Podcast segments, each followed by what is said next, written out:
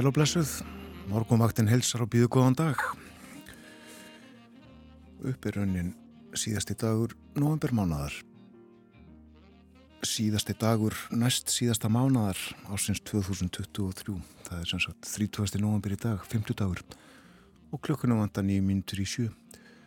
Björn Þór og Þórun Elisabeth sest í sinn sæti með uh, rjúkandi kaffi. Við fylgjum ykkur til nýju í dag. Hugum aðstæðum í landinu, veðri og færð, byrjum þá allra fyrst á að nefna það að frá miðnætti hafa mælstum 120 jarðskjáltar, vikvikuganginnari Grindavík, allir undir einum að stærð, mjög vægir sem sé. Og ágættis veður eins og síðustu morgna, einstegs hitti í Reykjavík, nánast lokk, skíjað, Ég sá samt tunglið tegnalegt en einn gráða líka í uppsveitum borgarfjörðar og viðratúrunar stöðinni á Stafóldsei en uh, norðaustan 6 metrar þar. Þryggjastega hitt í Stikisólmi, þrjárgráður líka á Patrísfyrði, tveggjastega hitt í Bólungavík, vindræðin 7 metrar á báðum stöðum og uh, samskona veður á Hólmavík þryggjastega hitti þar og uh, norðustan sjö. Tvær gráður á Blöndósi og einnið á Söðanisvita, einstigs hitti á Akureyri, hitti við Frostmark á Húsavík, einstigs hitti á Rauvarhöfn, hitti við Frostmark bæði á Skeltingstöðum og á Eilstöðum, lítilsátt að snjókoma á Eilstöðum. Vindræðin 7 metrar. Tveggjastega hitti á höfni Hortnafyrði og á Kvískerjum, en þryggjastega frost á Kirkjubæðaklaustri. Einn gráða á Stórhauða í Vestmanni og einstigs frost í Árnesi. Og frostið á Hálendinu, þetta fjórar, 5-6 gráður eitthvað svo leiðis. Svona var verið á landinu fyrir 50 eh, mínútum. Og þá að veðrinu eins og það uh, verður eða er samkamt spám norðaustlæg átt á landinu í dag 3-10 metrar á sekundu en 8-15 metrar síðdegist kvassast vestast á landinu. Jél víða um land en bjart með köplum sunnan heiða. Það dregur smám saman úr vindi og jæljum á morgun. Frost yfirleitt 0 til 5 steg. Og uh, það segir í hugleðingum veðufræðings að uh, það séu líkur á lúmskri hálku og víðutreif vegna þess að hiti í morgunsárið er víða nærri frostmarki. Ökumenn og gangandi vegfarendur því beðnir um að fara gætilega. En uh, Það er frost í kortunum áfram, kallt í veðri. Getur náðu áttastegum á morgun, eh, frostið að tíu stegum á lögadag og að tólf stegum á sunnudag. Og svo áfram kallt í veðri á mánudag, þriðjudag og miðugudag í næstu viku. Útlitt fyrir norðlægar áttir eh, alla þessa daga. Það er von á Sturlu GK til löndunar í Grindavíkurhöfn núna í morguns árið. Ég held að uh, höfnin eigi og geti verið opinn millir 7 og 5 á daginn. Tilkynnt um þetta í gær og uh, gangi þetta allt saman eftir og hafi gengið eftir þessi áform að uh, þá mun Sturla leggjast að bryggju eftir 5 mínútur eitthvað svoleiðis og þetta eru gleði fréttir óneitanlega en uh, ekki hefur verið hægt að landa í Grindavíkur hafnaðu þetta frá uh, eh, 10. november eða síðan að bærið var rýmdur þannum kvöldið rétt hæpar þrjár vikur síðan það var Já. Við setjum lag á fónin Já, fyrsta lag morgumvaktarinnar Þannig að 50. morgun það heitir The Ladies in Love With You. Þetta er Tex Beneke.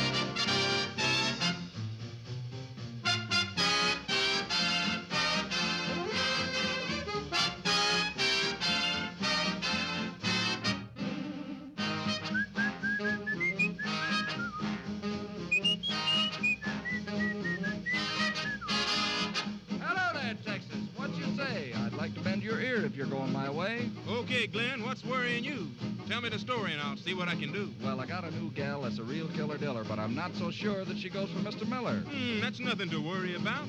Man, don't you know how to go about finding out? No, you tell me, Texas. If there's a gleam in her eye each time she straightens your tie, you'll know the lady's in love with you. If she can dress for a date without that waiting you hate, it means the lady's in love with you. Your friends ask you over to join their table, but she picks a faraway booth for two. Well, sir, here's just how it stands. You've got romance on your hands because the lady's in love with you.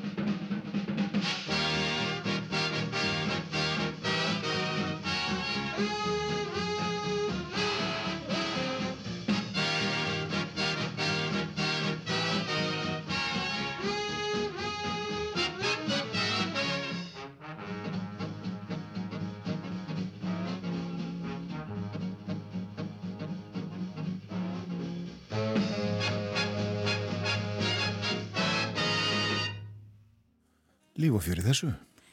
Já, það er lag sem var vinsælt árið 1939, uh, Glenn Miller og Tex Beneke. Var svo aftur vinsælt sama ár með uh, öðrum og margir tekið þetta upp á sína arma. The Ladies in Love With You. Og uh, á annari tónlið sem að leikin verður í þættinu þannig morgunin uh, nefnum við að við hlustum á Karl Orgeltríu og Rebekku Blöndal. Við uh, hlustum líka á brot, já ég held að sé, rétt að segja bara brot úr Sálumessu Mozarts og uh, hlustum líka á uh, Garðar Kortes syngja. Framöndan eru fréttinnar koma á slæginu sjö, við uh, förum ítalega yfir dasgrá þáttarins eftir fréttinnar getum þess þó nú að Bói Ágússon verði með okkur heimsklukkin á sínum stað á morgunvaktin í dag.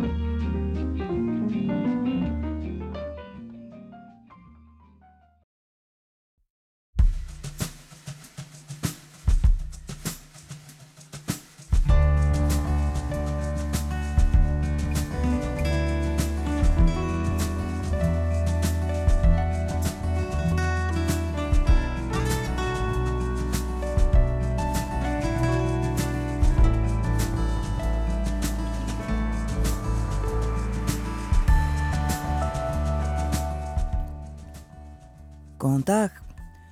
Morgunvaktin helsar 5. daginn 30. november. Björn Þór Sigbjörnsson og Þórun Elisabeth Bóadóttir hafa umsjón með þættinum.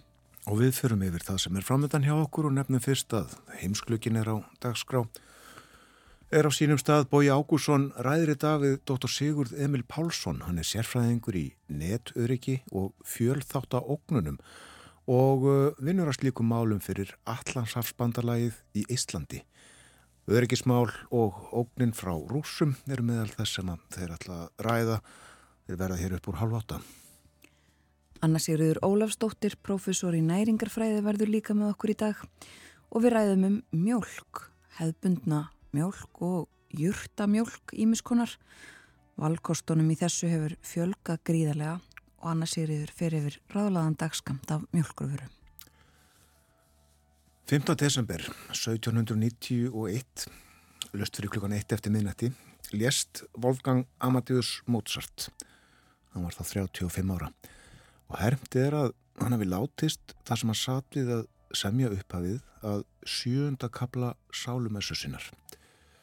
Frá 2004 nánast óslitið hefur óperukórin flutt sálumessuna á dánarstund tónskáldsins og það verið gert í ár og nú í minningu Garðars Kortes sem stofnaði kórin og styrði um áratöðaskeið. Garðar lest á vortugum. Við fjöllum um hann og Mozart og sálumessuna klukkan halv nýju. Það er viðáttu mikil hæð, öflug hæð yfir Grænlandi og hún stýrir veðrinu næstu daga og beinir hinga til lands svölum norðan og norðaustanáttum. Jél viða um land en lengst af bjart og úrkomulöst sunnan og vestanlands. Það kólnar smám saman í veðri en sumstaðar frostlöst úti við sjávarsíðuna. Og þannig verður þetta næstu daga norð og norðaustlegar áttir í kortunum eh, inn í næstu viku og kallt eh, frost að 12 stigum á sunnudag frá einu stíi og eh, það verður áfram kallt í veðri fyrstu daga desember mánuðar Við lítum í blöðin, tvö Íslands blöð hér á borðinu hjá okkur, morgunblæðið og bændablæðið og uh, rætt hér á forstíðu morgunblæðsins meðal annars við, Pál Erland, hann er forstjóri H.S. Sveitna, segir uh, ástand mála fordæma löst, það er hættustig á tveimur starfsvæðum fyrirtækisins í einu, það verður ekki gerst áður. Bæði í Grindavík vegna Jarskjaldana þar og í Vestmanægum vegna þess að eh, vassleðslan þangaði löskuð eins og við þekkjum og höfum rætt. Já, þetta er fordamalust ástand. Nú, eh, það er líka rætt hérna við Björn Traustason, hann er framkvæmtastjóri Bjargs íbúðafélags og hann segir að félagi munu hefur framkvæmtir við 164 íbúður á næsta ári. Og einnig sé stemt að kaupum á um 60 íbúðum til handa grindvíkingum samkvæmt vilja yfirlýsingu stjórnvalda þar að lútandi. Og á fórsíðu bændablaðsins er skemmtileg mynd. Á henni má sjá kúabónda. Hún er kúabóndi og búfræði kennari hún Karin Björg Gestóttir og uh, situr þarna í já, hálfgerðri jókastellingu í uh, fjósinu. Og uh, það er rætt við hanna og fjallaðum hanna og fjölskyldu hennar í blaðinu í dag en þau færiðu kúabúi sitt á milli bæja í uh, Kolbinstaðarreppi hennu forna. Lögðu niður kúabú á Kaldárbakka og uh, fluttu starfsemina búreksturinn í Rundtún. Svo segir hér að uh, að stefnir í að tap af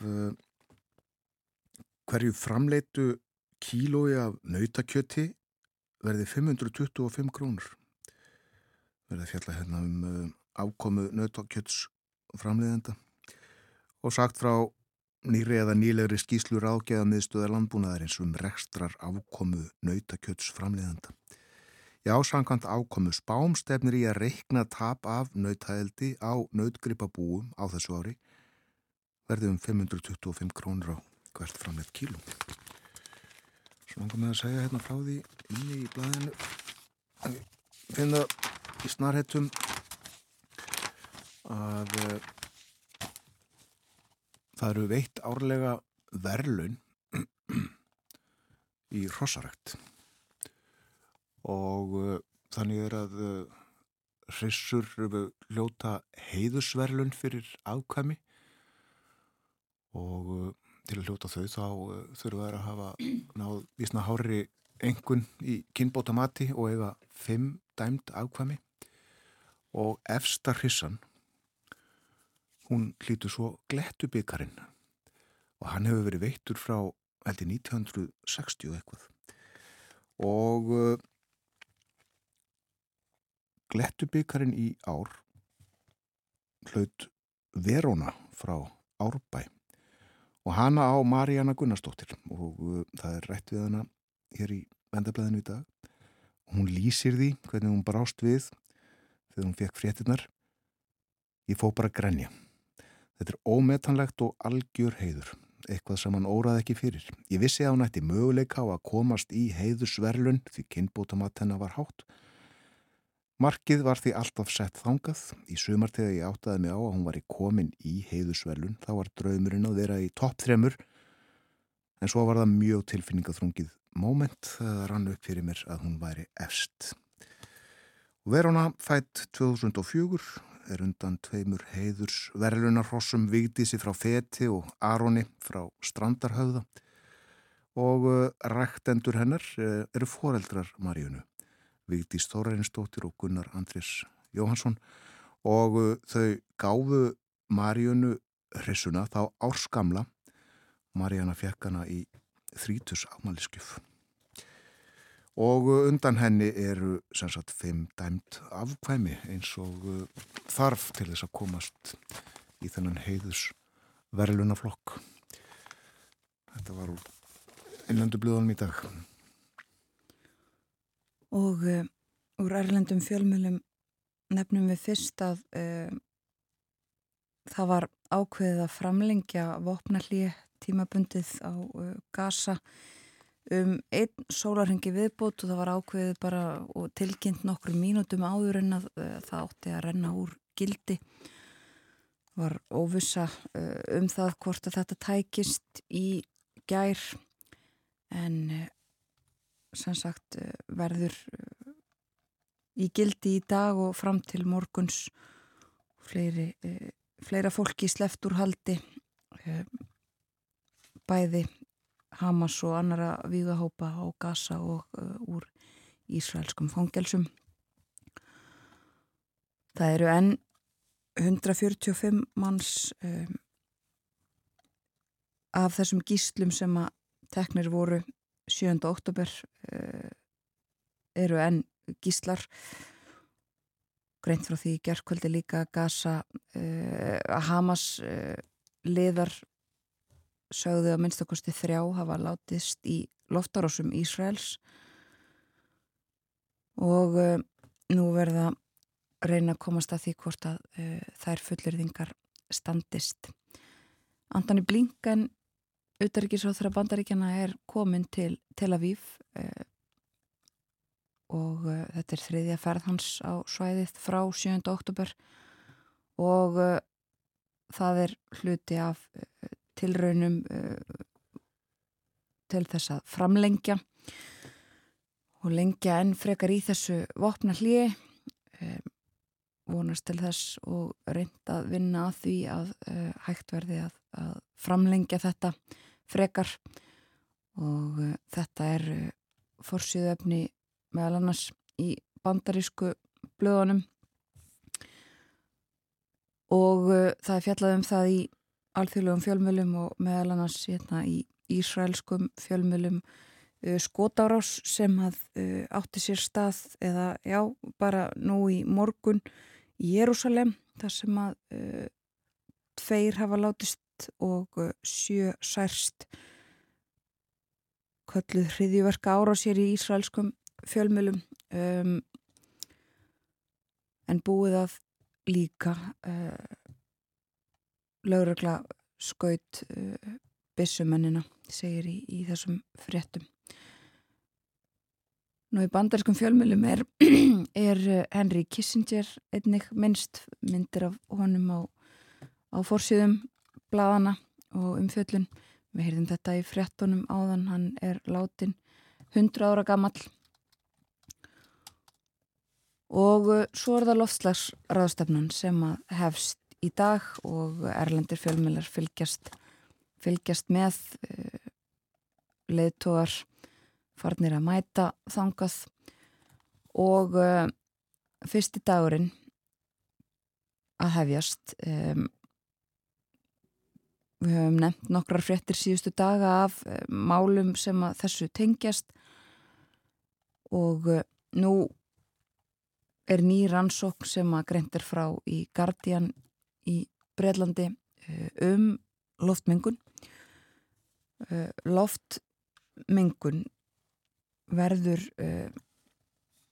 meira en 8 miljónum manna að bana á hverju einast ári og þar af uh, 61% sem er tengt við bensín.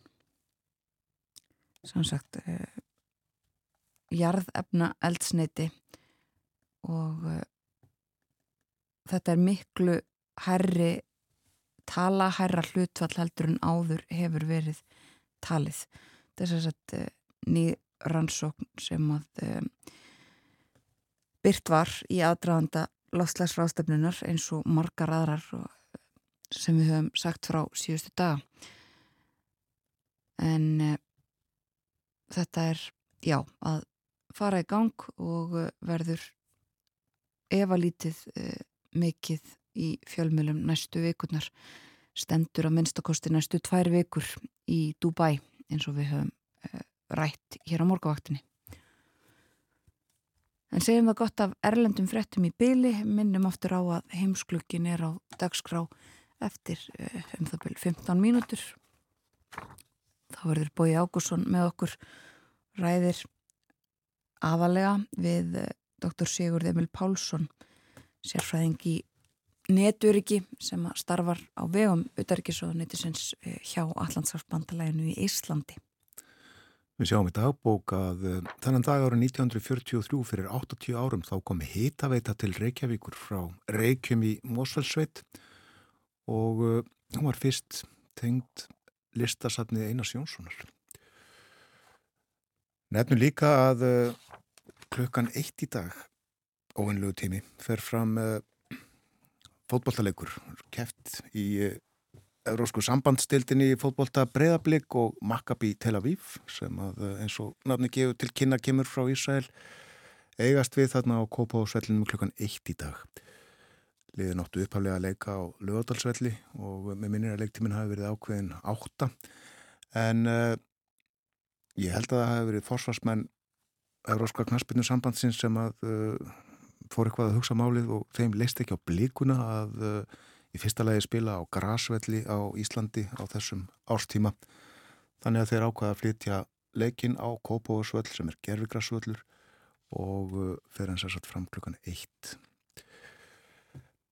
Stuðnismenn félagsins þurfa að taka sér líklega frí og skóla til þess að uh, hvetja sína menn áfram. Þetta er síðasti leikurinn held í, í reyla keppninni í sambandstildinni sem að breyða blik leikur Meira af uh, íþróttum en uh, heimsmeistramáttið í handbólta Kvenna hófst í gær leiki í þremur löndum, uh, Danmörku, Svíþjóð og Noregi og unnust nokkur stórsigrar í gær, Noregur sigraði Grænland með miklumun og Brasilia vann Úkrænu sömulegis með miklumun og Spánverjar Kazakstan en mjótt á munum í leik Austuríkis og Suður Kóru Það er austurísku höfða með einsmars mun. En uh, í dag hefur Ísland leik og uh, hann er klukkan 5 og anstæðingarnir Slovenia og uh, leikurinn í beitni útsendingu í sjónvarpinu. Að öðru en sagt var í gær frá aðgerðar áallun í málöfnum íslenskrar tungu. Þetta er áallun til þryggja ára og lögð hefur verið fram á uh, vettvangi alþingis til þings álíktunar þar um og þessi aðgerðar áallun í 19 liðum segja gamni frá nokkrum þeirra sá fyrsti starfstengt íslensku nám fyrir innflytjendur samhliða vinnu. Fyrirtæki og stofnanir geti sótt um stuðning til að útfæra íslensku nám á vinnustaf og jafnframt verði metið á hvaða starfsviðum brínust þörf sé fyrir aukna íslensku kunnáttu. Nú þá að bæta gæði íslensku kennslu fyrir innflytjendur og ásansat að uh, þróa fyrirkomulag náms og kennslu svo að taki betur mið af væntingum nefenda og fjölbreyttum námstörfum og hafð búsettum. Hér er líka talað um háskólabrú fyrir innflytjendur, aðgengi að almennu háskólanámi fyrir innflytjendur verði bætt með þróu nýrar námsleðar fyrir nefendur sem hafa grunn í íslensku máli en þurfa stuðning til þess að sækja frekara háskólanám á íslensku. Markmiði verði að auðvelda innflýtjendum að aðlagast samfélagslegri og akademiskri menningu. Nú uh, það á að uh, abla upplýsinga og það er reglubundið um viðhorf landsmanna til íslenskrar tungu þá að gera til að meta árangur og þörf fyrir frekari þróun aðgerða í þáu tungumálsins. Svo er hér fjallaðu um mikilvægi lista og menningar og uh, að uh, því verði áallt haldið á lofti ekki síst fyrir börn og ungmenni og þá sem ekki hafa íslensku að móðumáli. Og þá að auka talsetningu og textun á íslensku þá að ebla íslensku hæfni starfsfólks í leik og grunnskólum og frístundastarfi og uh, þá að samþætta íslensku og uh, erlend móðumál á fagtengdum grunnnámskeiðum starfsfólks í heilbriðis, félags og umönunagreinum og uh, svo nefni ég að endingu, ég fór ekki hérna yfir alla 19 liðina, en nefni hér síðast, íslenska er sjálfsagt mál Stöðlaverði að auknum síni og heyranleika íslensku í almannarími í breyðri samvinnu atvinnulífs og stjórnvalda. Kallaverði eftir samráði og aðgerðum meðal annars frá félagsamtökum, fyrirtækjum og stofnunum. Heyrum þá Íslenskt lag. Þetta er nýtt, kom út uh, í oktober, er af plötunni Brefbátar. Karl Orgeltríó og Rebecca Blöndal. Karl Orgeltríó eru þeir Karl Olgersson, Ólafur Holm Einarsson og Áskir Jón Áskirsson. Og lægið sem við leikum heitir Því ég sakna þín.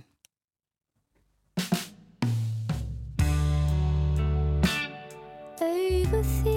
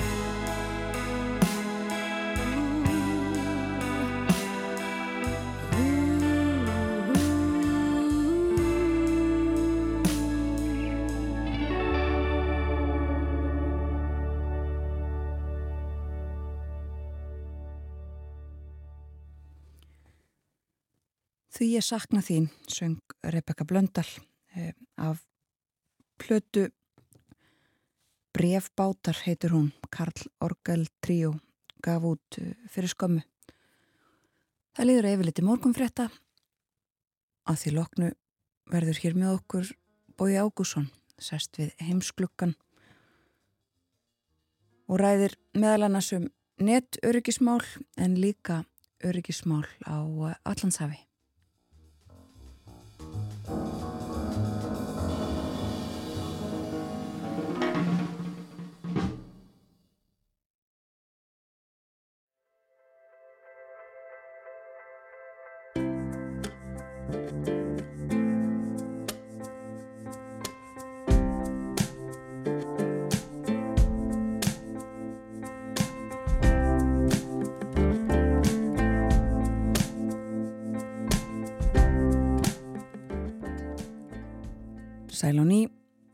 Eru að hlusta morgunvaktina á rás 1 klukkan rúmlega halv átta og uh, það er 50 dagur í dag.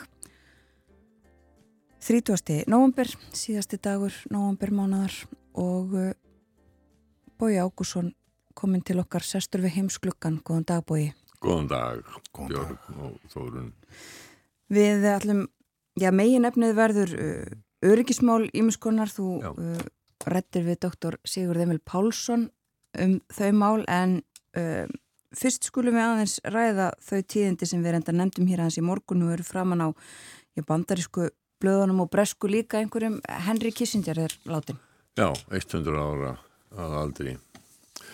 Með svona áhrifa meiri, getum við sagt, eh, varðandi stefnumótin í utanrikismálum á setni hluta 20. aldarinnar eftir síðari heimstyrjöldina.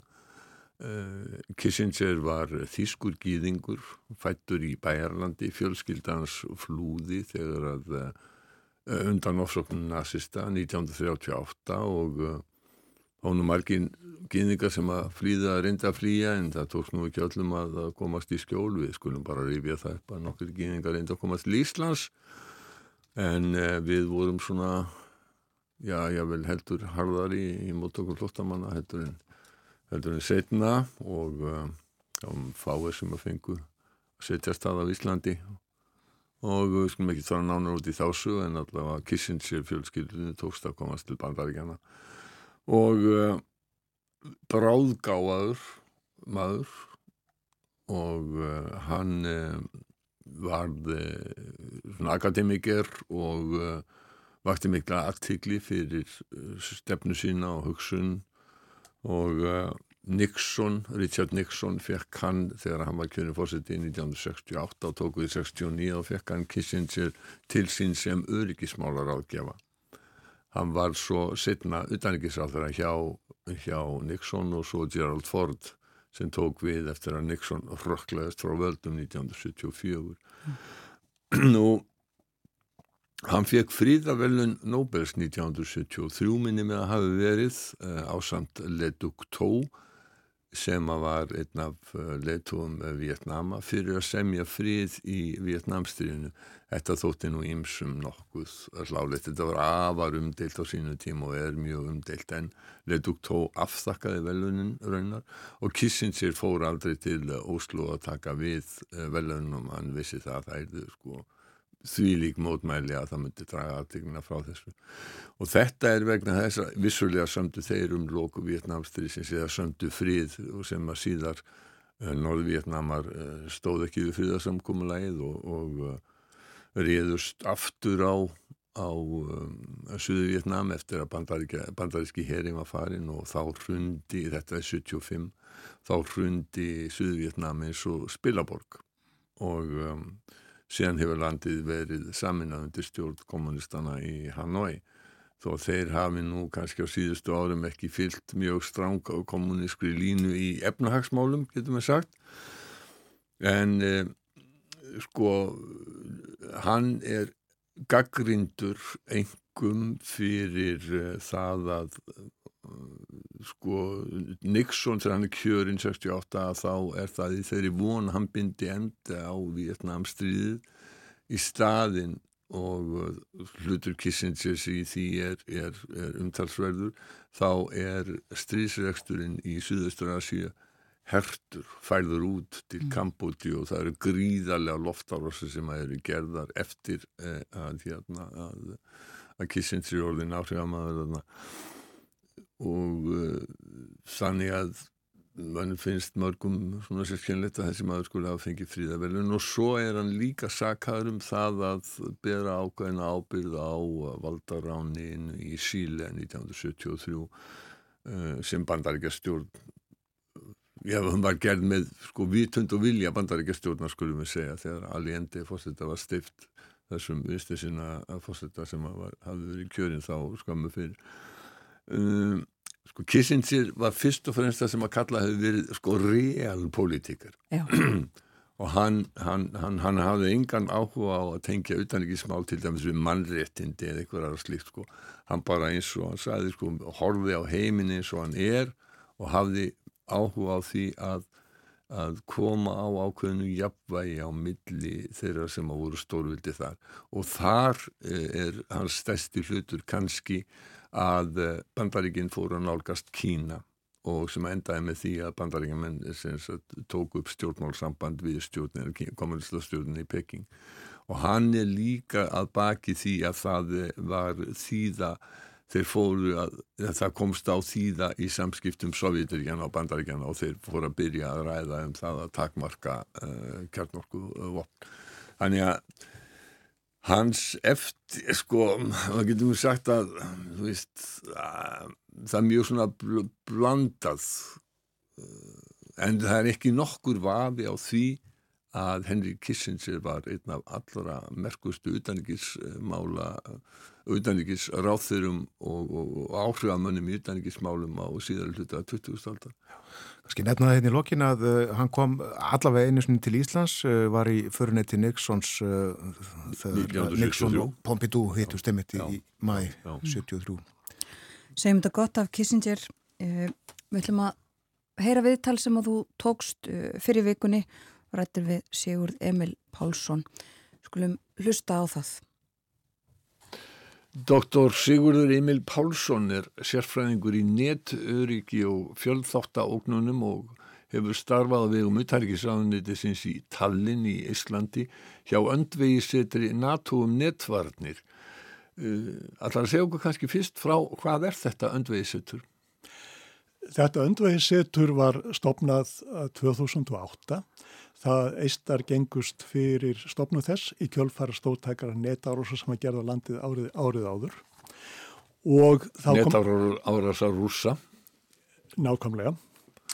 Og það þótti þá komið ljós að það vantaði raun að veru þekkingu á hvernig nætti að bregðast við stórtækri netárós á eitt ríki. Nú þetta setur var stopnað í kjölfarið og þetta er sem sagt sko fræðasetur þannig að þetta er ekki hluti af stjórnkerfi NATO og þessi uh, fræði sem að þarna er fjallaðum eh, skipt í fjóra megin flokka. Það er sem þá tæknin sem er svona nettækni. Eh, það er strategía, hvernig sem við þýða það og lögfræði því það er heilmi að netið reynir heilmikið á þólrifin í alþjóðalögum. Og síðan er núna síðasta viðbútin það er aðgerðafræði og það er þar sem að ég lendi. En það, það er raunverð sko fræðin um hernaðar aðgerður og hvernig netið kemur inn í það og þetta er svo sem á borgarlegum fórsendun og maður er þarna sem sko borgarlegu stafsmaður. Þú kemur inn í gegnum íslenska utanriksræðandi. Hvernig eru Íslandingar að öðru leiti tengtir þessu? Sko Ísland gerðist, eh, var búið sækjum aðild að setrinu og það var, Ísland var séðan formlegur aðil, aðili að setrinu síðastliði vor og hluti af aðildinni felur í sér að sko, það þurfi að leggja fram sérfræðing til starfa á setrinu. Hver eru helstu verkefni setur sinns núna? Þú listi því hvernig það skiptist og, en hver eru helstu verkefni núna? Sko það má segja svona það sem er kallað svona megin afurðir setur sinns sem eru svona eh, helstu skrautfjæðarinnar. Það eru uh, tvær æfingar, einn sem að uh, heitir Lock Shield sem við getum þýtt sem Skjaldborg Já. vegna þess að hugmyndin þar er hvernig að aðilar í einu samfélagi þurfi að geta unnið saman til þess að uh, geta varið samfélagið gegn mjög fjölþættum árisum sem eru sko samhæðar og alltaf að lama samfélagið í held og þá er, reynir oft heilmikið á útsjónasemið því að það getur verið ráðist á ekki endilega kerfin sem maður heldur eigi að verið ráðist á, heldur ímis kerfi sem að þau stýðjast við og það þarf að hafa mjög góða ástandsvitund til að standa sig vel í þessu. Mm. Og það er mér bara ánægið að geta sagt frá því að Íslandingar tóku þátt í þessari æfingu. Hvena var þetta? Það var nú síðslega vor. Já og það var svona, það átti sig ákveðin eh, undirbúning eh, sem að byrjaði eh, sem sagt höstið áður og þessi þáttaka var sameigileg með svíum og það það má segja í þessu máli eins og ofta áður þá var Norrann samverðan okkur gríðarlega mikilvæg mm -hmm. því að svíjar eru mjög framarlega í skipulegningu æfinga. Og hvernig gekk þessi samvinna svíja og Íslandinga á þessar æfingu? Að sví, sko, íslensku sérfræðingarnir unnu bara sem hluti af heldinni í uh, þessu samilega liði og árangurinn var þannig að þetta var liðið, þetta sammeinaða lið það hlaut flest stig í æfingunni. Mm. Sé, þetta er ekki, formlega séð heitir þetta ekki keppni, en við getum alveg sagt ef þetta hefði verið íþróttir, þá væri þetta bara eins og að vinna gull og olupíuleikum. Því að önnur ríki höfður lagt gríðarlega mikið undir að ná góðum árangri, sendt fremstu sérfræðing frá herjum, netvarnastofnunum, uh, yðnaði, fyrirtækjum og fleirum. Þú nefndi Skjaldborgina. Já, það er, síðan er önnur æfing sem að setri kemur að en stendur ekki fyrir og hún stendur endar yfir akkur þessa dagana. Uh, Cyber Coalition eða netvarna samvinna. Sko meðan að Skjaldborgin snýr að einu samfélagi þá er snýr uh, þessi netvarna samvinna að því hvernig að mismunandi ríki geti unnið saman þegar verður að gera samhæfða árás á mörgaríki og uh, það er fyrir milligönguturíkisánitis mm -hmm. Þá er einmitt Íslandingar taka þátt í þessa ræfingu. Þú hefur uh, mikil tengsl við Ísland. Þú verður þarna með, eins og þú sagðir, annan fótinn í, í þrjá ára og tíu og uh, þekkið samfélagið afskaplega vel. Hvaða helstu breytingar sérðu á samfélaginu frá því að þú komst þarna fyrst fyrir um hvaða 30 árum? Það er náttúrulega margvíslega breytingar sem hafa voruð þetta og það, og það var ótrúlegt að sjá hvað uh, þeim tókst nánast að byrja með tóman kassa, ríkis, uh, ríkiskassa, að uh, fá inn fjö, efla samfélagið. Ég man eftir að hvort það var í gegnum uppringisamband vorið 92, nokkrum mánum eftir, þá gæt maður nálgast lög, enska þýðing á lögum um réttindi erlendra fjárfesta. En þeir heldur síðan áfram, það hefur verið mikil áhersla á mentun í Íslandi, það var yfirlega verið nummer eitt hjá, í PISA-konunum og um miðjan áratugin, svona í kringum 95, þá fór á stað verkefni sem kallaði tígristöksverkefnið þetta að nota nettækni til þess að stökka inn í framtíðina og eins og þóttu þetta er kannski órunheft en þeim tókst að verða einhver fremsta þjóð í nýtingu netlausna og með, slíkar eru meðal annars notað núna hérna af innanlands. Er rétt skili hjá mér að Ístar séu með allra fremstu þjóðum í heiminum hvað varðandi rafræna og ofinbæra þjónustu? Þeir, þeir eru það því að, því að það kerfi sem þeir hafa sett utanum þjónustuna til að halda utanum að taknilega og gera hana örga þeir hafa kallað X-Road hjá þeim. Það var líka tekið upp í Finnlandi og hefur núna verið tekið upp á Íslandi og í, í fleiru landum það, það er sko hluti af því að geta haft rafræna stjórnsýslu örga og skilvirka Við erum að tala um öryggismál og uh, Eistarsalsríkin þrjú uh, eftir að þau uh, öðlust sjálfstæði á nýju upp á 1990 gengu öll í bæði Evrópusambandið og Atlasarspandalagið telja, já til dæmis Eistar það að NATO aðildin hún tryggi öryggiðra. Ég held að það með orðaði kannski frekar þannig að NATO-aðaldin hafi verið nöðsynleg en hún sé ekki næjanleg. Það er að segja... Einn og sér. Einn og sér. Já. Sko það þýð, vegna það þýðir ekki bara að gangi NATO og síðan halda sér höndum.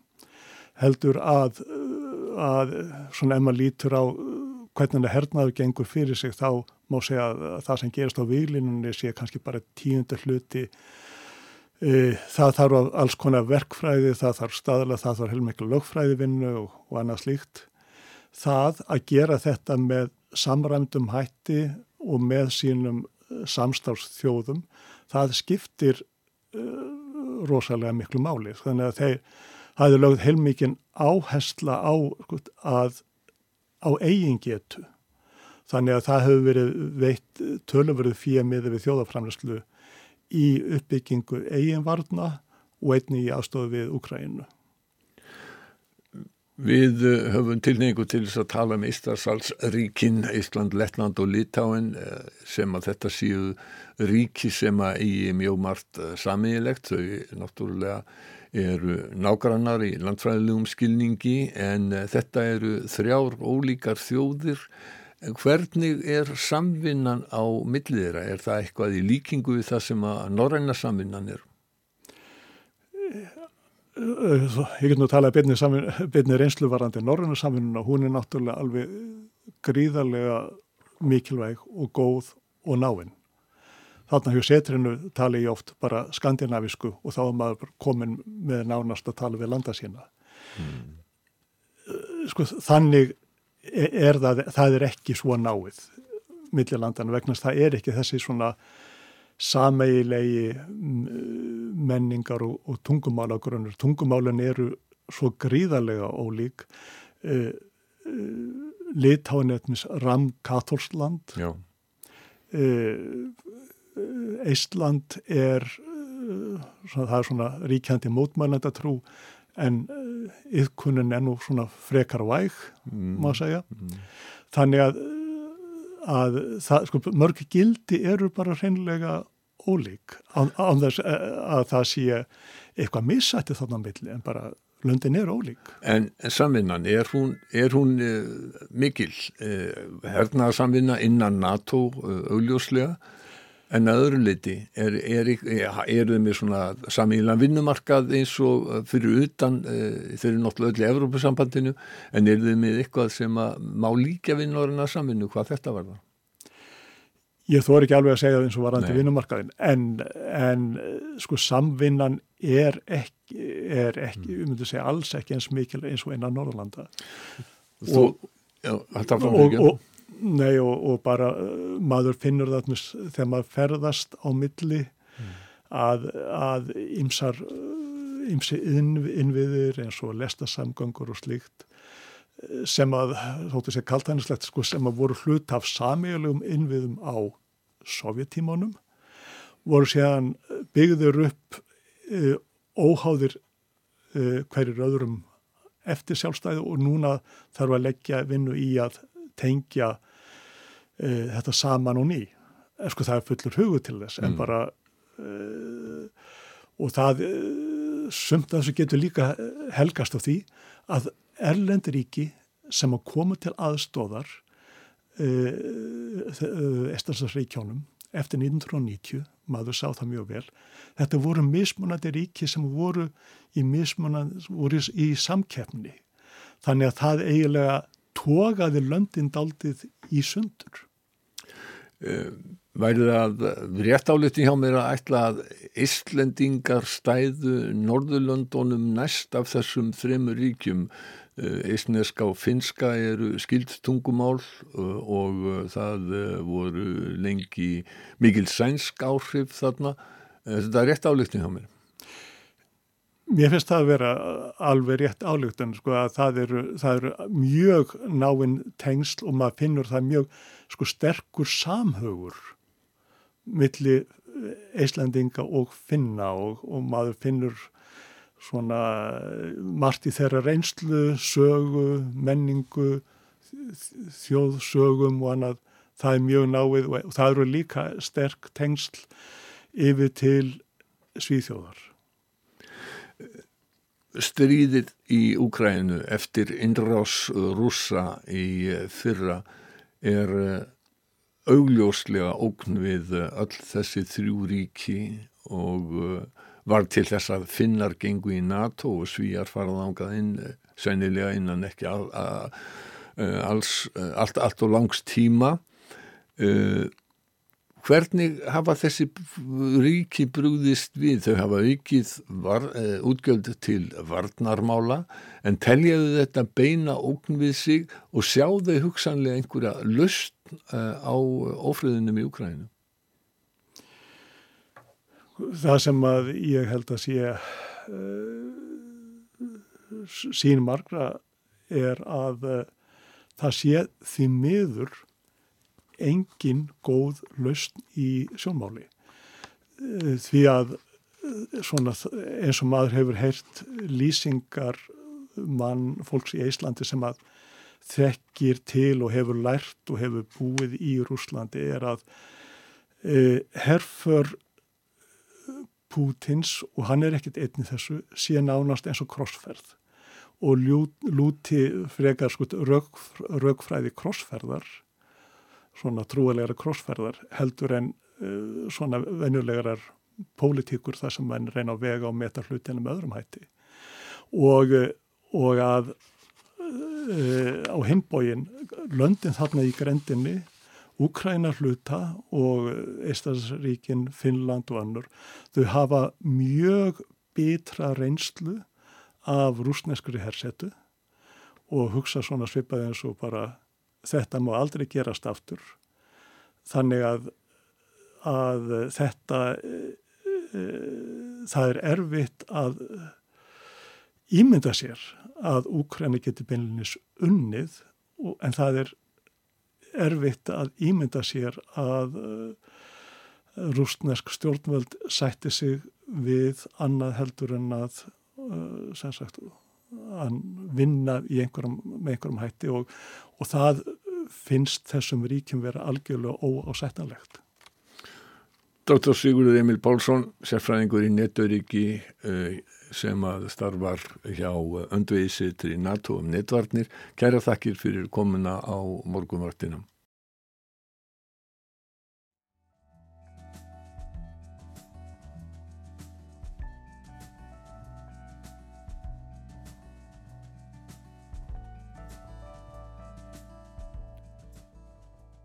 Bói Ákusson rætti við doktor Sigur Emil Pálsson. Frettir eru næstar á dagskrá morgunvaktarinnar. Þær koma eftir tæpar 6 mínútur. Svo fáum við ráðlaðan dagskamt. Anna Sigur Ólafsdóttir, professor næringafræði, er að koma sér fyrir hjá okkur. Við ætlum að tala um mjölk í dag og hérna ímsu valkosti við venjulegu gömlu mjölkina sem að sprottið hafa upp. Og í síðasta hlutu þáttarins þá er það Sálumessa Mozarts.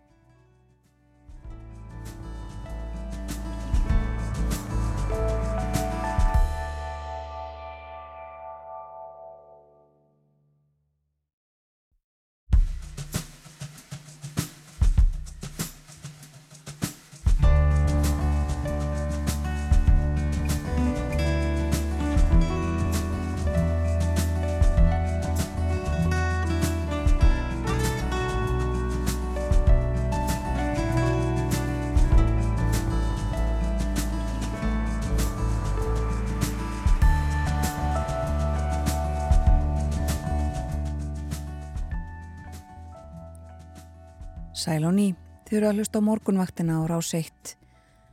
Morgun fréttir klukkan 8 að baki, klukkan gengin tæpar 6 mínútur í nýju.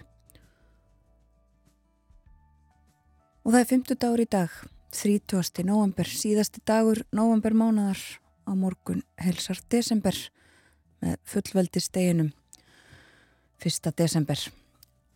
Róbert Jóhansson fór yfir veðurhorfurnar hér í frettatímanum rétt á hann og þarf við að endur taka þær. Kallt á landinu og verður næstu daga. Bói Ágússon var hjá okkur fyrir fréttinnar rætti við Sigurð Emil Pálsson sem að starfar á vegum auðaríkis þjónustunar hjá Allandsafsbandalæginu í Íslandi. Þeir rættu ímis öryggismál, netöryggi og fleira. Og uh, við minnum á að í síðasta hluta þáttarins þá ætlum við að uh, tala um tónlist. Við uh, fáum til okkar gesti sem að eftir helgi taka þátt í flutningi á Sálumessu Mozarts Hún er flutt uh, á þeim tíma sem hann lést Mozart og talið er að þá hafa hann verið að uh, skrifa sjönda kablan í Sálumessunni.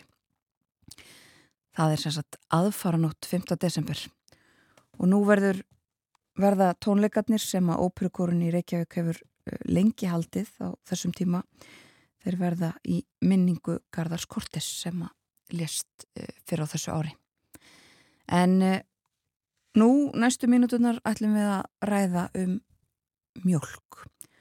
Mjölk og eh, mjölkur óþól og valkosti við mjölk. Þetta er ráðlaða dagskamtur og til okkar er komin Anna Sigriður Ólafstóttir, professor í næringafræði. Góðan dag. Góðan daginn.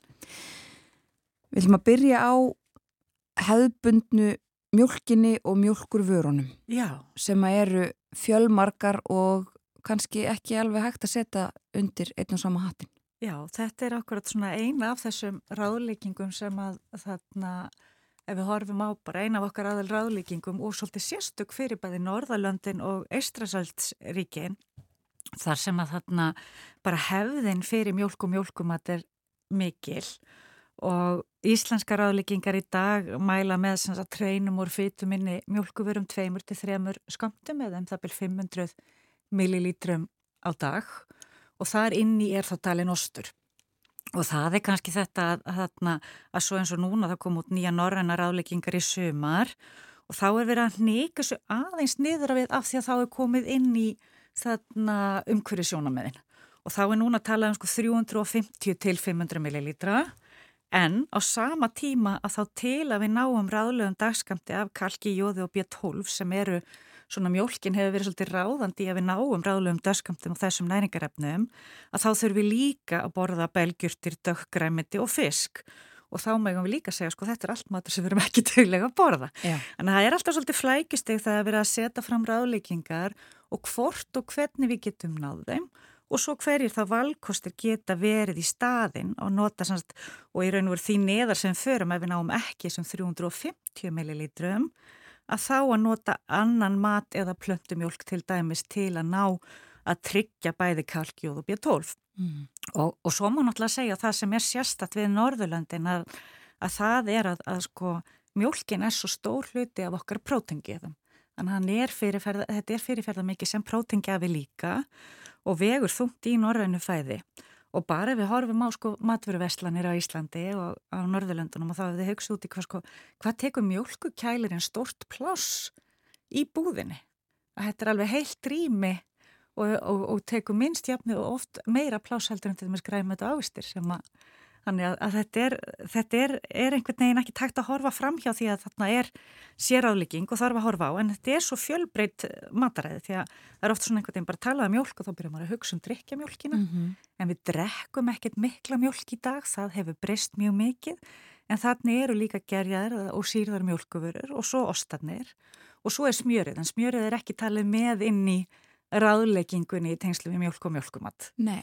Þannig að, að þetta er svona og, og ákvört líka við sjáum jákvæða áhrif með tilliti til heilsu á því að sagt, drekka létta mjölk en hins vegar skipti kannski e, fytan minna máli og getur jafnvel verið jákvæð þegar við erum komin út í gerjaðari mjölkuvöru, sírða mjölkuvöru og osta og þetta er mjög flóki hvernig ætlaður að setja svona ráðleikingu fram Mm -hmm. og, og hvernig í raun og veru sko bara rannsóknum fleitir fram að það er mjög auðvelt að fara í svo kallat cherry picking eða það er að segja að velja að lesa eitt og ekki annað ná ekki heildarmyndinni og hlutverk til dæmis þess að búa til norrannar ráðleikingar er að fá aflið frá öllum vísindamönnum á Norðurlöndum til að leggjast yfir þekkingun á hverjum tíma Mm. og reyna veg og meta hvað er það sem eru góðar og vel unna rannsóknir og búa til ráðleikingar út frá því.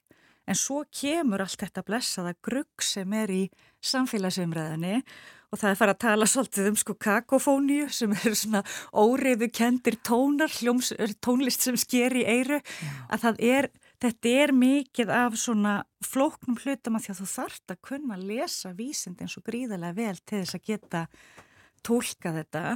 Og, og mér dætti nú bara í huga á sínum tíma þá var akkurat þetta að þá að tala mjög ekki að karteblum en þá komi ljósa í rannsóknum var svona öllum karteblum steift saman í flokk þegar það var verið að vinna tölfræðina. Þannig að eh, ka svona karteblu franskar og flögur voru allar sko eitt og það sama. Já. og þá skiptir auðvitað öllu máli sko hverjar eru matarvenjur í því landi þar sem er verið að rannsaka hvað af þessu er það sem er að teika inn, hver er matreðslan og svo framvegs og, og þetta er auðvitað sko ef við horfum á okkur það er mjög mikið deilt um þetta með fytuna í mjölkinni og það tala ofta um sko þarna fytuparadoxið en það er að því að bæði fytan, vinslan og þá sérstaklega gerjunin eh, hvort að við bættu sigur og sætefni svo svo kvöldi fæðu matrixa það er að segja efnafræðilegir eiginleikar þegar vinslan hefur átt sér stað, breytast svo mikið og þá verður frásók og annað öðru vísi hvort að eru bindi efni og fleira og svo þetta gott við sem að drikk, drekka eða tyggja vöruna, það er Já. gríðarlega ólíkt uh, og, og svo þetta aftur þetta inn á þetta fæðu munstur að við erum ekki að borða næringarefni, við borðum mat og við borðum mat sjálfnast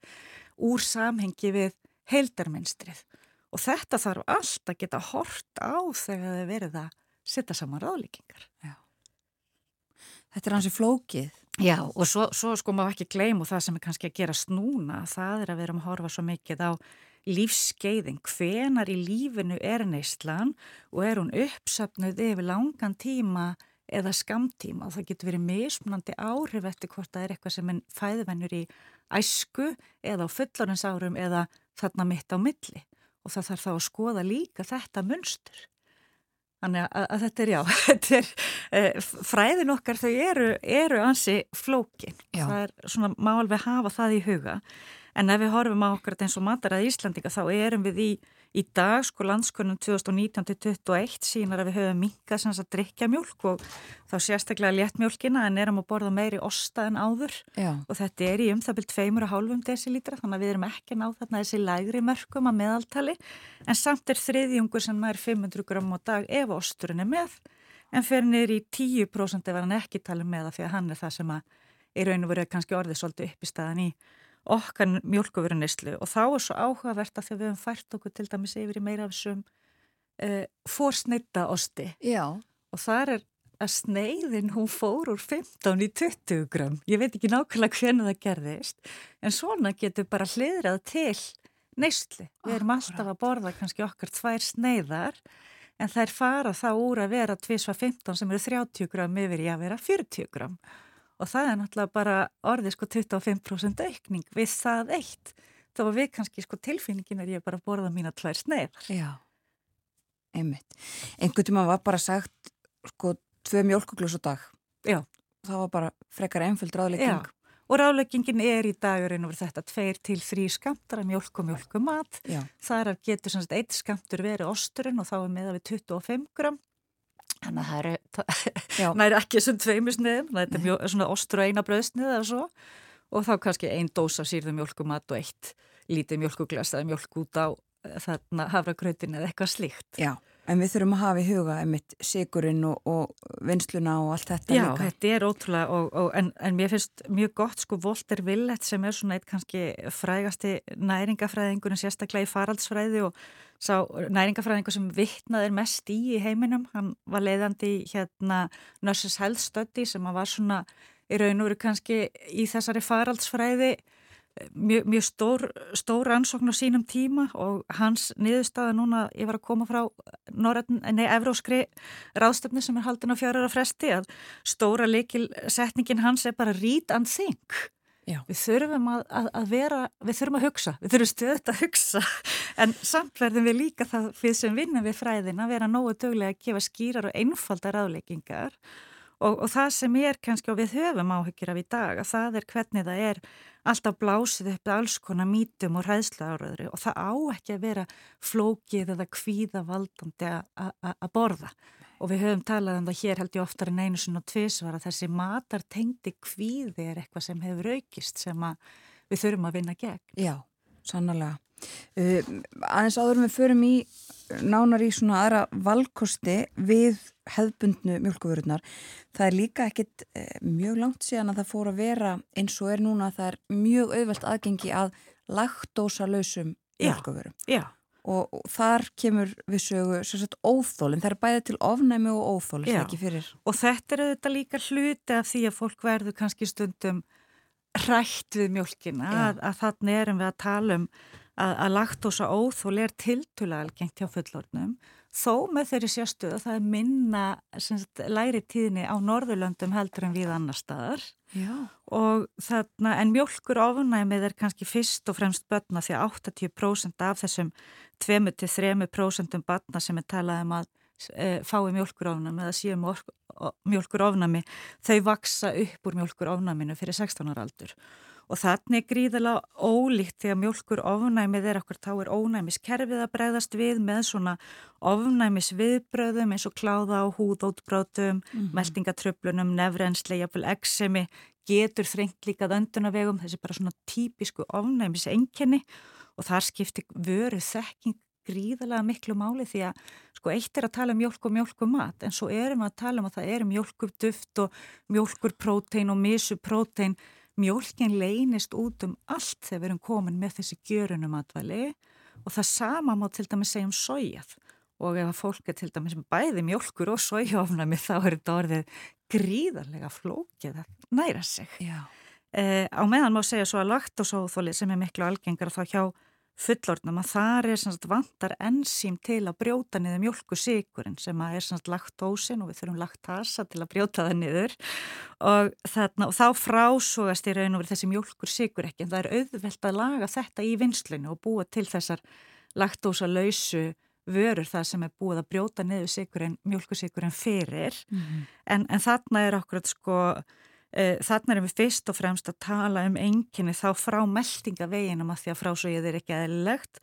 Þannig að það er eftir nokkrum klukkutímum eftir neyslu er vindgangur og uppþemba, niðugangur, kramparverkir og ógleði. Og þarna er náttúrulega bara líka beinast við þetta, þetta að, að, að sleppa lagtósa vörunum og, og, og forðast þær. Þó, og kalla líka auðvitað að, á þetta að hafa ákveðna vöru þekkingu eða fæðu læsi en, en eins og þú segir sko þá er náttúrulega þetta að, að það er allt, allt annað úrval í dag og mm -hmm. þá er mhm. meðal annars plöntumjólkin ein af þessum lausnum. Já og við ætlum að tala um hana síðustu mínuturnar hér sem við höfum til umræða. Já, já. Eða hana, þær, það eru marga 200 plöntumjólk líka. Já og, og mér finnst bara akkurat kannski tilefni til að benda á að því að það var ágætt græn núna bara, ég held að það verið 2015. november uh, þarna þeir nemar í næringafræði önnu doktorsnemi og henn meistaranemi uh, Guðrún Nanna og Vilborg og svo Rósalíf sem er læknir að þær voru akkurat að bregðast við algengum mítum í tengslum við havramjólk og havramjólk og sojamjólk eru kannski þær tvær tegundir sem eru vinsalastar og mest verið að drekka. Og, og þá er okkur þetta, það kemur svona hræðslu áróður og þá það er svo erfitt og við þurfum að vera skýri að upplýsa En það er já, soja, havra, möndlur, rís, kókos og hamp, þannig að þetta er ótrúlegt úrval og þarna líka horfum við á annars vegar drikjarvörur og svo sírðarvörur og svo framvegis. Mm -hmm. En hvort sem við horfum á plöntumjólkinu eða hefðbundið og þá er okkur þetta, við getum valið lítið unni vörur og svo erum við komið með gjörunar vörur þarna líka, þannig að hotlustan er mjög mismunandi En það sem kannski þarf að horfa á að það er okkur, sko, þarna mjög margir er að velja þetta annars verður út af óþólu ánami en svo líka út frá umhverju sjóðunamiðum því að mjölkin vegur auðvitað við horfum til bara þarna landbúnaðarins í kringum kýr þá erum, erum við að, að kólöfnisspori þar er ekki gott. Þannig að við þurfum að horfa á umhverjusáhrifin og það er svolítið þetta og, og þá líka tengt vegan mataræðinu sem að þessar vörur hafa og við sjáum mikinn sínileika í verslunum. Þannig að þetta er ágættis valkostur og svo er þetta bara líka smekkur, þetta er annað brað, það eru aðri reynleikar en kosturinn er fyrst og fremst akkurat fjölbreytnin, næringaríkar vörur en það þarf samt að aðtöða, sérstaklega ef þetta ákom í staðin fyrir mjölk, þetta sé kalk og D-vitamin bætt, kalkið sé til staðar, það er ekki alltaf og, og, og svo það að það eru lagt og svo fríar. Gallin er hins vegar oftir að það er ekki prótinríkar. Þannig ef við horfum á það að mjölkumatur er prótin upp í staða hjá okkur, að þá erum þarna með talsvert ólíka samsetningu með teiliti til þess og svo akkurat eins og með sojaða, þá er semst óþóla ofnæmið þú getur kannski verið með annað óþálega afnámi heldur en fyrir mjölkinni. Þannig að, að þetta þarf alltaf að horfa út á, á og, og svo náttúrulega eins og ég segi sko á meðan bráðu áferð getur verið kostur þá er það líka ofta ef þú ætlar að svissa að þarta vennjast.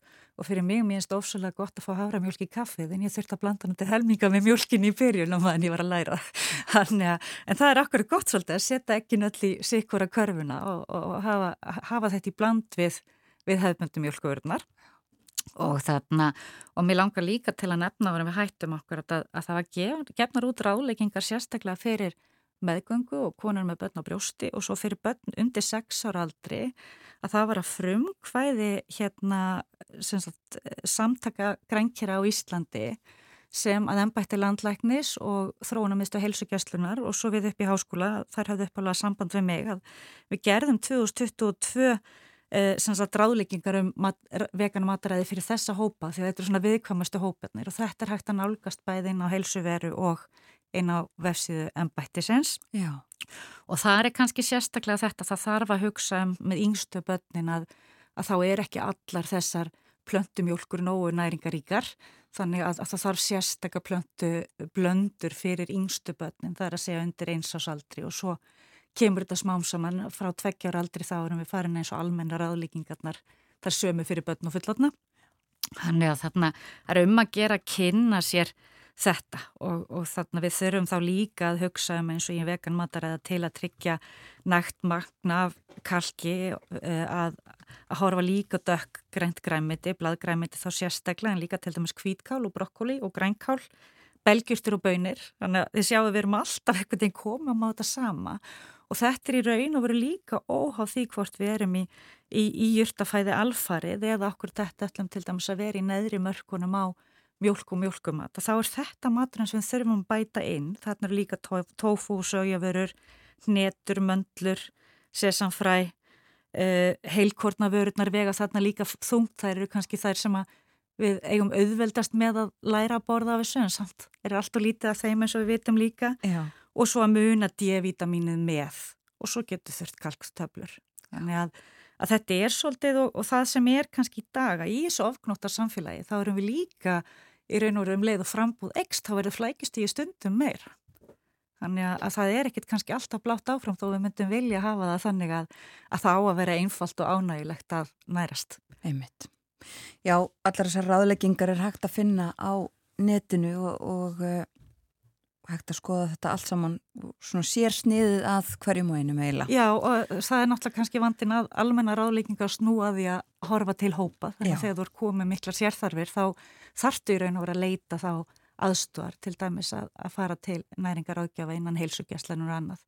En það skiptir máli hvert við leitum upplýsinga í þessum hafsjó eða kakofóniu. Algjörlega. Takk fyrir í dag, Anna Sigriður Ólafsdóttir. Takk fyrir mig.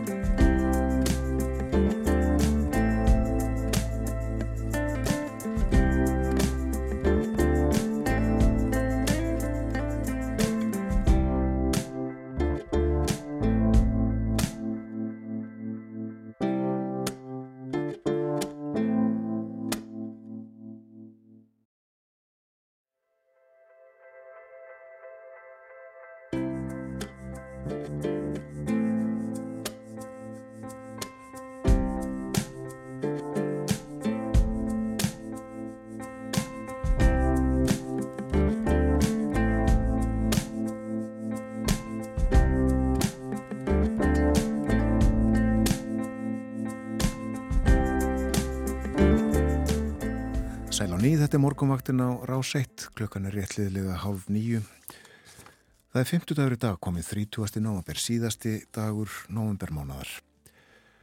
Að veðurhorfum það verður norð-östlæg átt á landinu í dag, vintraðin víðast hvert 3 til 10 metrar en uh, svo hversi sítegis 8 til 15 metrar þá. Það verður kvassast vestast á landinu. Það má líka búast við jæljum víða en uh, þó síst sunnan heiða mun verða bjart með köplum sunnan heiða í dag. Það dregur svo smám saman úr vindi og jæljum á morgun. Morgun er 1. desember. Frostið í dag uh, yfirleitt 0 til 5 stig. Við hlustum á tónlist.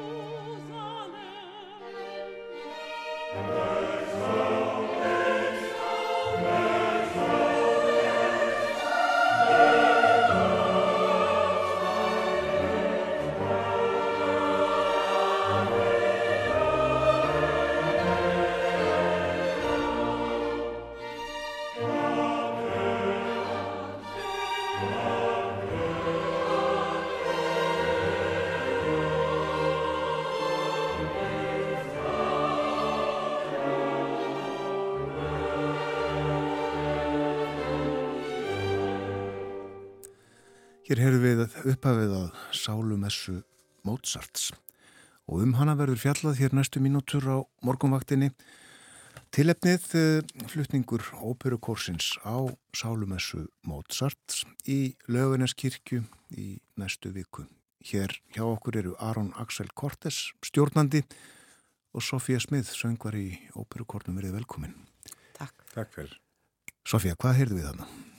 Við heyrðum upphafið af Sálumissu Mozarts og við, sem sagt, Garðar Kortes, hann tók upp á því að eh, flytja verkið á dánarstöndu tónskálsins aðfarn út 5. desember 20, árið 2004 og gerði það næra ósliti til döðadags. Árið 2021 þá uh, við gátum ekki sungið þetta í COVID að sjálfsögðu og árið 2020 varð Garðar áttræður og okkur langaði að gera eitthvað sérstakt í tilumni af áttræðis amalinn hans. Við fórum á stað og það varð úr að við gátum haldið þessa tónleika í bytni sjónvarsútsendingu RÚF uh, aðfara nátt 5. desember 2021 og það voru síðustu tónleikar sem Garðar stjórnaði lifanda líf. Já, og það var upptaka frá þessum hljóningum sem við herðum þarna hluta úr brot úr. Já. Aron Axel, varst þú í þessari upptöku? Nei, ekki þessari. En þú hefur sungið? Ég hef sungið áður, já. Já, já, oft. Og uh, tekur nú við sporotanum af föðinum og stjórnarkornum? Já, ég ætla að gera það. Já, ég þetta skiptið. Garðar lést á uh, vordögum, vordögum og uh, eins og við höfum komið inn á uh, þá var þetta hans hugarfóstur að svo maður segja að uh, halda þessa tónleika á þessum tíma og það var ekkert sjálfsagt auðvitað að það er gert áfram eftir að hann lést.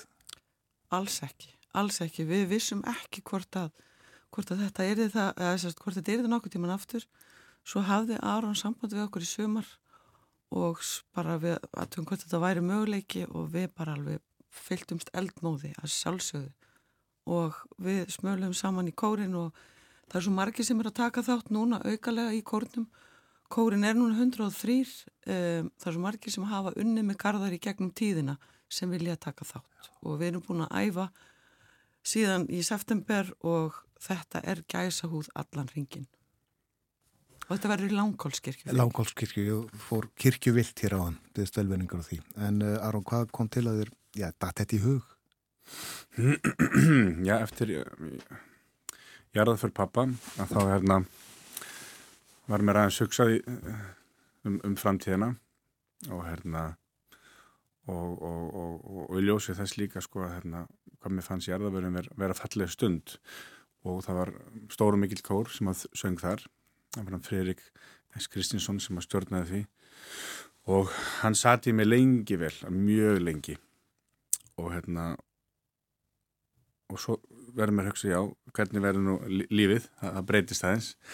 Og hérna mér fannst það hérna, pappi var vanur að, að lesa upp lista sem að hann svo sagt, var listi af látnu tónlistarfólki og það var, hvenar gerðist það Sofía, var, það var ekki frá upphafi en það var, þróast þannig að það ekki að það var til heiðus Lát, látina íslenska tónlistamanna sem létust það árið. Já, akkurat. Og hérna, og mér fannst bara að pappi þurfa að komast á þennan lista. Svona til þess að eitthvað neina loka honum. Þannig að það hafi í samband. Já, og listin verður lesin. Ég veit ekki. Hann, er, hann hefur bæði verið lesin og svo fer eftir hvað eru margir, hvað hann er langur listin, sko. Já. Í gegnum tíðina þá, þá byrjaði Garðar alltaf með smá tölu, las upp nö, þessi nöfn íslensku tónlistamanna sem látist höfðu síðan að verkið var sungið síðast og hann las upp hvert einasta nafn og það var tendrað á einu kerti fyrir hvern og einn. Svo byrjuði tónleikarnir. Og, og núna í þetta skipti þá verður sérstætt Garðarskerti. Hann er alltaf með eitt Mozart-kerti sem hann slekkur á eftir áttunda taktin í, í Lagri Mósakablanum það á þeirri stundu sem, sem Mozart lést eða þar sem hann náða að klára.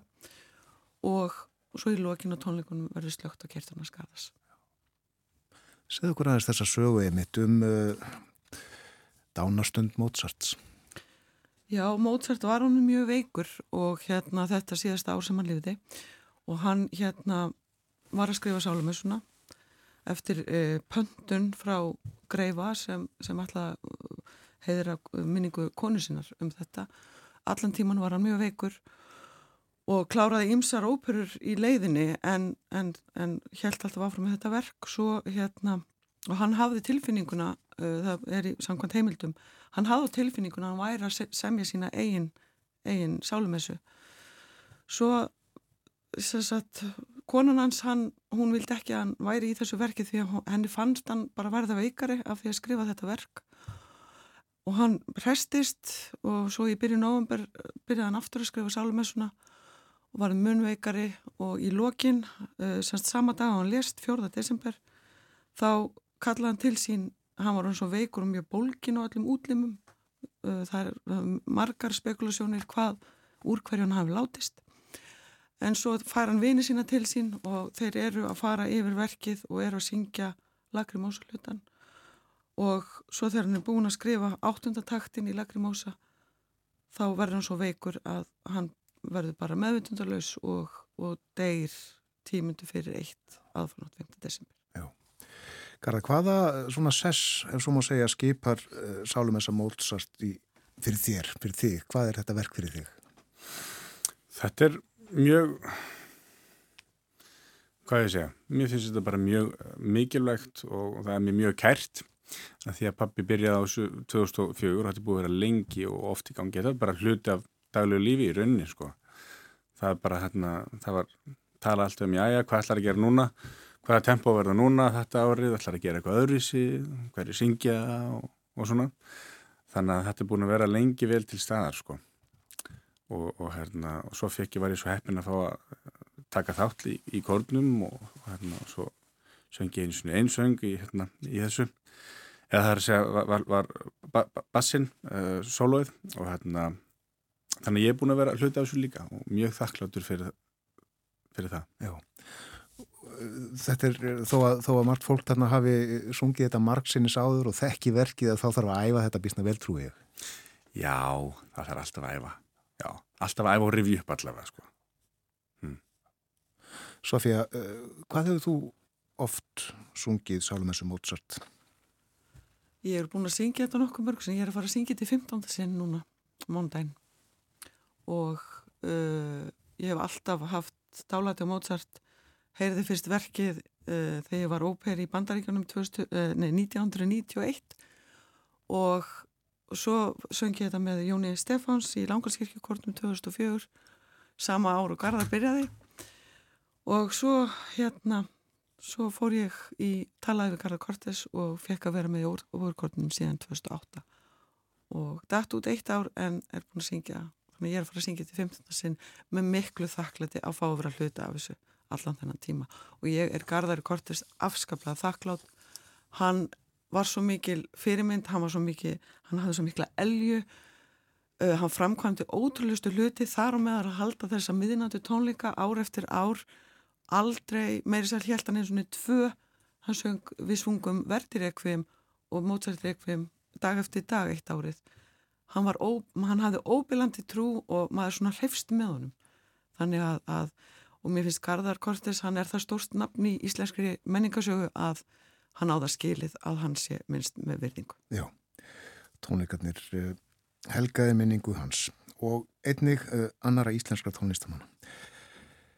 Requiem uh, Aeternam Dona Eis Domine þetta er einhvern veginn svona, er það ekki? Jú Requiem Dona Eis Domine Já málið er að sálumessa er, er söngur til hennar látnu, það er, þetta er sálumessa, það verður það að hérna hvaðja sálinnar og, og hérna þetta er bara söngur hennar látnu og það eru margir sem eiga erfitt í desember, það eru margir sem hafa mist ástvinni og þetta er einmitt tilgangurum með sálumessi er að syngja til ásvinna og minnast þeirra. Drottin veit þeim eina eilifu kvílt, segir í íslenski þýðingu. Og hefði eilifa ljós. Þú kannt þetta? Algjörlega, fram og tilbaka. Fram og tilbaka, á ymsum tungumálum kannski. Þetta er bara á latínu sko. Já, en, en íslenska textan allavega upp aðeins líka. Jú, jú, jú. Já. Þetta er bara, þetta er verkverkana í mínum huga. Ég trúi að, að, að þetta sé einstök stund sem að þið eigi þarna í kirkjunni um nóttina. Þetta er svo mikil, þetta, það verður einhvern veginn svona töfra moment þetta verður þrungi tilfinningum, þrungið hátileg heit, það myndast bara sérstök stemning og fólk lappar þarna út á, á stjörnubörtum himni jafnvel og það myndast sérstök samkjönd og bara þú fyllist kærleika og finnur bara að allt sem skiptir máli er kærleikur.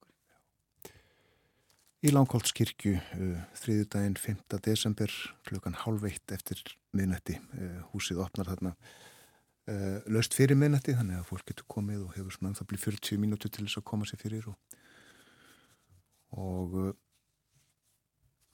býða þess sem að verða vill. Uh, Það eru Nanna Maria Cortes Sopran, Sýriður og Kristjánsdóttir Messosopran, Benedikt Kristjánsson tenor og Kristinn Simundsson bassi sem að syngja solokablana. Stjórnandi Aron Axel Cortes eins, og áður sagði. Er allt tilbúið að notið næstu daga til að æfa? Það er allt tilbúið. Allt tilbúið. Er þú jafn uh, spentur og Sofía? Já, ég er jafn spentur og Sofía, já, ég hef ekki meira. Hmm. Þetta verður, held ég, ég ætla að leiða mér að segja þetta verður fallistund. Án Eva. Þakk ykkur fyrir að koma á morgumvaktina. Takk fyrir. Aron Axel Cortes og Sofía Smith. Og uh, þá ætlum við að uh, hlusta á Garðar Cortes syngja. Uh, við erum með tvö lög tilbúin og uh, heyrum að fyrst syngja undir stóra steini.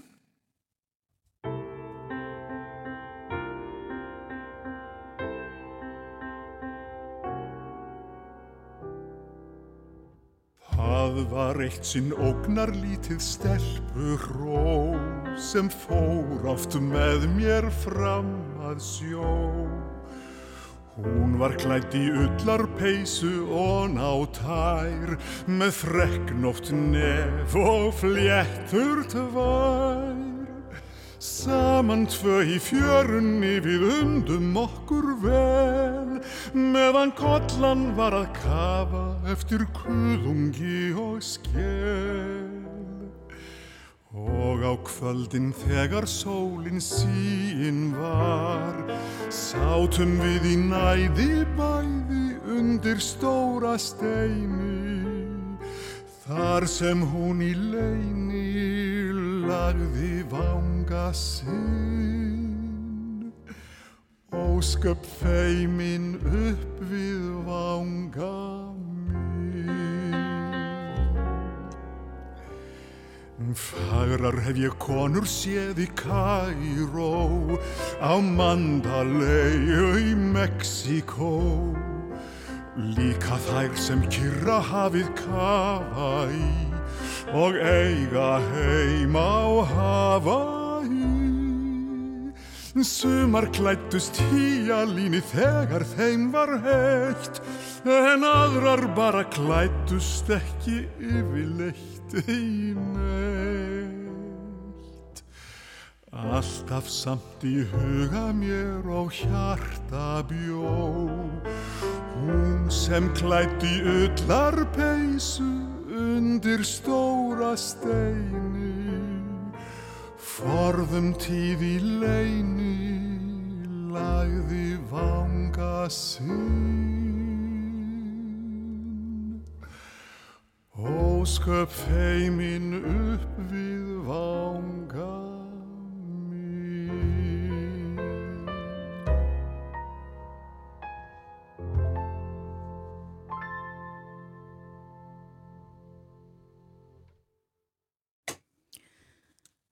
Þarna heyrðum við í Garðari Kortes undir stóra steini Jón Múli og Jónas Átnasinnir og Tríó Konfúsi með uh, Garðari þarna upptaka frá árinu 2014 Við ætlum að heyra annað lag sem að Garðar Kortes söng It Might As Well Be Spring.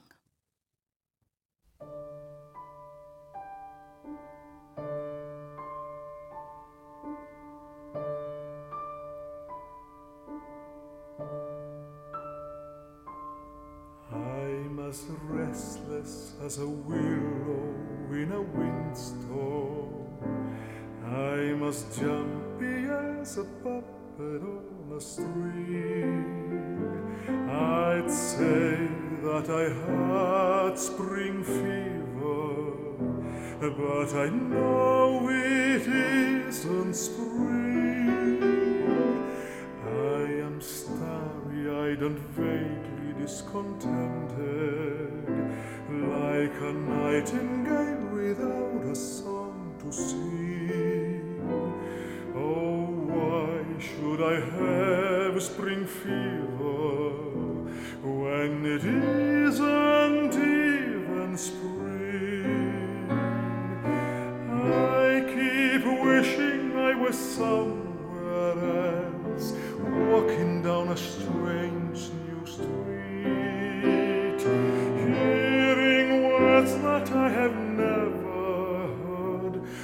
from a girl I've yet to meet. I'm as busy as a spider spinning daydreams. I'm as giddy as a baby on a swing. I haven't seen a crocus or a rosebud or a robin on the wing, but I feel so gay in a melancholy way that it might as well be spring. It might as well be spring.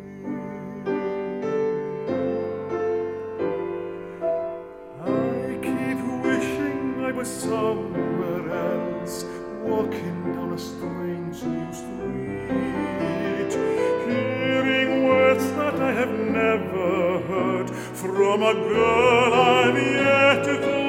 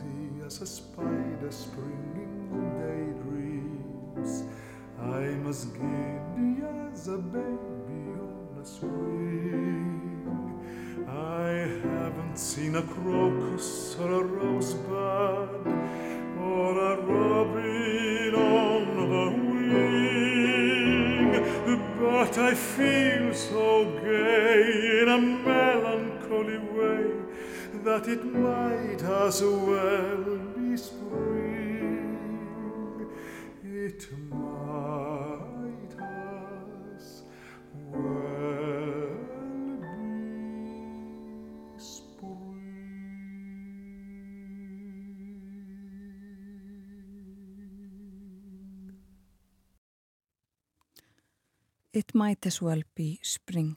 Það geti allt eins verið vor, Garðar Kortes söng og við heyrðum þessi tvö lög með Garðari í kjölfar spjalls við þau Aron Axel Kortes og Sofíu Smith. Aron Axel mun stjórna og Sofía syngja e, þegar að Sálumessa Mozarts verður flutt í Langholtskirkju aðfarnótt þriðudags og það verður í þetta skipti gert í minningu Garðars Kortes. Þetta er meira ljúka, klukkan alveg að verða nýju.